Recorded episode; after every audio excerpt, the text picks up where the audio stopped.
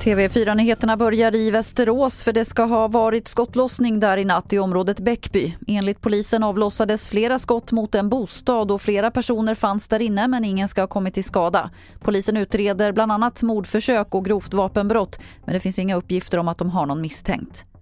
Och polisen har fortfarande inte gripit någon misstänkt efter skottlossningen i Skarpnäck i södra Stockholm igår kväll.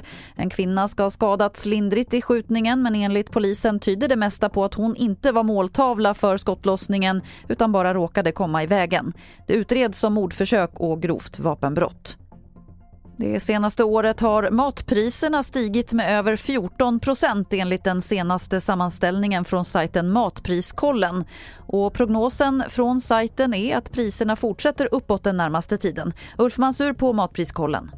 Det är ju många som handlar mat för barnfamiljer för 8 000 kronor i månaden. Då är det plötsligt på 15 000 kronor extra om året som bara för att köpa samma saker.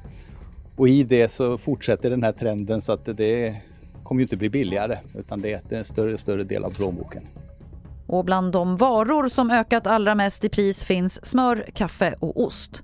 Fler nyheter hittar du på tv4.se. Jag heter Lotta Wall.